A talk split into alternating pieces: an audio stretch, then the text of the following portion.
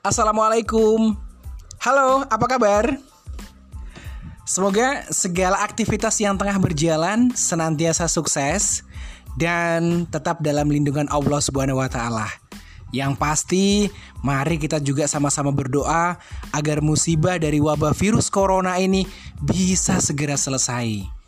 Dan kita semua dapat kembali beraktivitas dengan normal seperti biasanya. Serta tentunya mari tetap dukung upaya pemerintah memerangi penyebaran virus ini dengan lebih banyak mengoptimalkan aktivitas kerja dari rumah. Baik, teman-teman sekalian, sahabat UKM dan para pendengar podcast saya, mengisi waktu beraktivitas di rumah mungkin tidak ada salahnya juga sambil Anda sibuk dengan pekerjaan yang sedang berlangsung saat ini. Podcast ini bisa menjadi sahabat Anda dalam kesibukan Anda.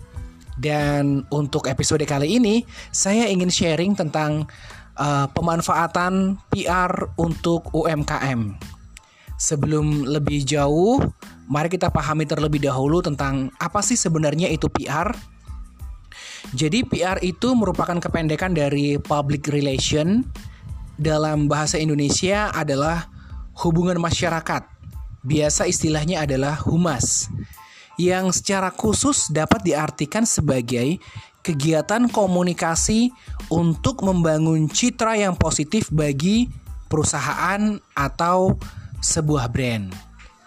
Dan memang perlu diketahui jika pemanfaatan PR awalnya hanya untuk perusahaan-perusahaan yang sudah established, uh, untuk uh, perusahaan untuk kantor-kantor yang memang dengan struktur organisasi yang lengkap.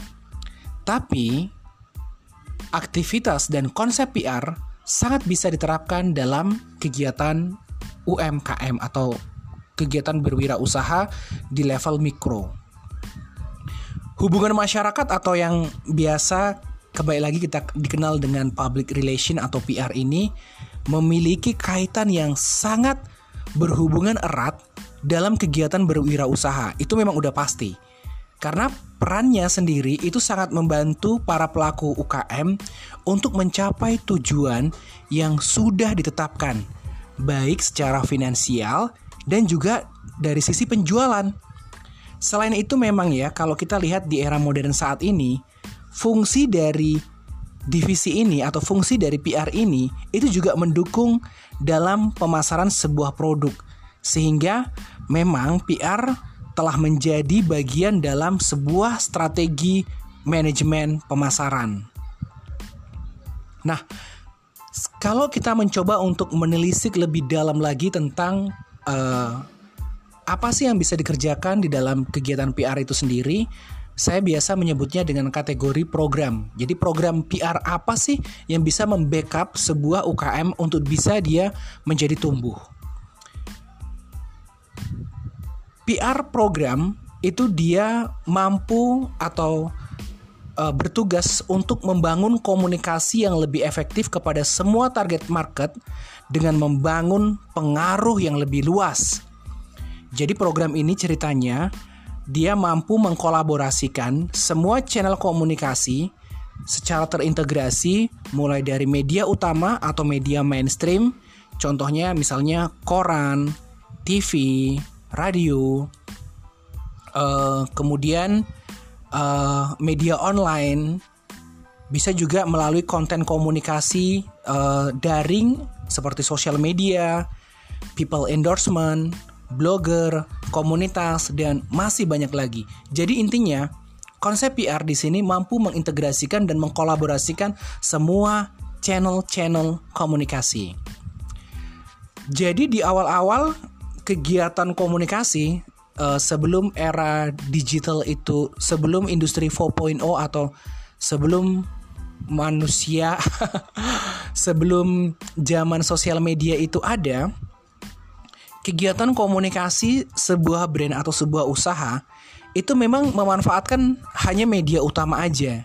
Jadi seperti koran, tabloid, majalah, TV, radio. Tapi seiring dengan perkembangan dunia digital, perkembangan internet, uh, maka muncullah sosial media seperti Facebook, Instagram, YouTube dan pokoknya banyak yang saat ini ya. Uh, yang kita lihat sekarang lebih banyak kita lihat bahkan brand-brand besar pun sudah mulai memanfaatkan sosial media untuk kegiatan komunikasinya. Tapi balik lagi, apakah hanya dengan menggunakan sosial media sudah cukup seperti itu? Bagi brand perusahaan yang di awalnya dia menggunakan media utama, pertanyaannya adalah apakah dengan arus media utama aja udah cukup? Jadi ada dua paradoksal ya. Jadi ada dua kondisi bagi UKM yang memang sudah aktif dengan sosial media dan bagi perusahaan utama perusahaan besar yang udah menggunakan media utama apakah kemudian udah cukup pada ranah itu aja? Tentu tidak. Perusahaan-perusahaan besar sudah mulai beralih ke sosial media, namun perusahaan-perusahaan atau usaha-usaha UMKM apa salahnya kalau misalnya dia mengakses media-media utama atau media mainstream? Seperti penjelasan di atas tadi, mengapa harus ada integrasi? Mengapa harus ada kolaborasi?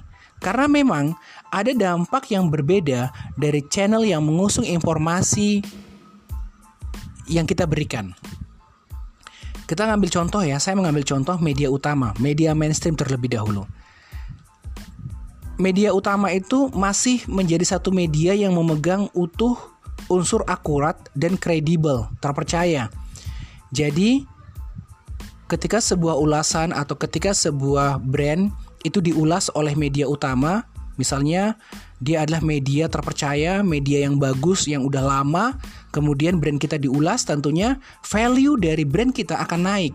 Value, kemudian image, dan pencitraannya akan lebih bagus ketimbang media sosial seperti itu karena untuk bisa masuk ke uh, ulasan media utama itu biasanya harus ada budget yang dikeluarkan. Tetapi ketika itu bisa misalnya menjadi konten pemberitaan, maka itu memiliki nilai benefit yang positif buat brand kita. Dan buat sang media ini merupakan konten pemberitaan yang memang dibutuhkan. Sebuah simbiosis mutualisme, tetapi dari segi branding ini sangat luar biasa nilainya. Nah, jadi uh, sangat dimungkinkan ketika misalnya brand kita atau brand UMKM itu bisa diulas oleh media utama, itu akan memiliki implikasi yang bagus yang kemudian hasil dari uh, ulasan tersebut tersebut bisa diintegrasikan kepada sosial media atau channel-channel promosi yang kita kelola sendiri. Saya mengambil contoh kalau misalnya di Makassar itu ada banyak uh, media utama yang kita kenal ya saya nggak usah sebutin namanya. Ada koran ada TV ada radio dan med beberapa media online. Saya sangat menyarankan usaha bisnis teman-teman itu kalau bisa diulas oleh salah satu media utama ini kemudian hasil ulasannya bisa menjadi materi untuk diposting pada channel promosi yang kita miliki. Misalnya di Instagram atau di Facebook yang mana ketika misalnya ini di angkat pada channel promosi kita sendiri itu akan memberikan nilai yang berbeda kalau misalnya kita buat sendiri postingannya. Uh, pertanyaannya kenapa harus diintegrasikan? Karena um, ini sebenarnya adalah pekerjaan PR secara komprehensif mengintegrasikan, mengkolaborasikan semua channel-channel komunikasi. Dan memang ada manfaat yang bisa dirasakan secara langsung. Saya ingin menjabarkan beberapa beberapa item tentang manfaat yang bisa dirasakan oleh peng, penggiat UKM apabila menerapkan program PR dalam pengelolaan bisnisnya. Yang pertama adalah mencari pangsa pasar baru dan memperluas keberadaannya. Ini udah bener banget. Kenapa? Karena tentu berbeda orang yang melihat postingan pada sosial media yang Anda kelola sendiri dengan orang yang membaca koran, orang yang mendengarkan radio dengan orang yang mendengarkan TV. Semua memiliki target market yang berbeda. Sekarang, apa yang terjadi kalau misalnya brand Anda terkomunikasi pada tiga channel promosi tadi? Tentunya akan lebih banyak orang atau lebih banyak audiens yang bisa uh, mengetahui informasi mengenai brand kita. Yang kedua adalah menetapkan image citra yang positif bagi produk kita. Tentu, Siapa sih yang menolak brandnya diulas pada uh, salah satu media utama besar nasional misalnya? Pasti nggak ma pasti mau kan?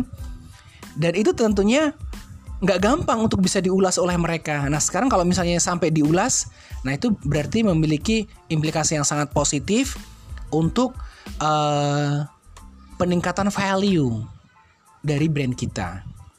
Yang ketiga membantu perusahaan dan nama produknya agar lebih dikenal. Itu udah pasti. Implikasi positif dari sebuah promosi adalah terkenal. Membantu mengenalkan produk baru dan peningkatan produk. Eh, teman-teman uh, UMKM, uh, para pendengar podcast saya, implikasi positif atau multiplier effect dari demand yang tinggi adalah produksi yang bertambah. Seperti itu. Jadi otomatis ada korelasi yang sama-sama positif nih.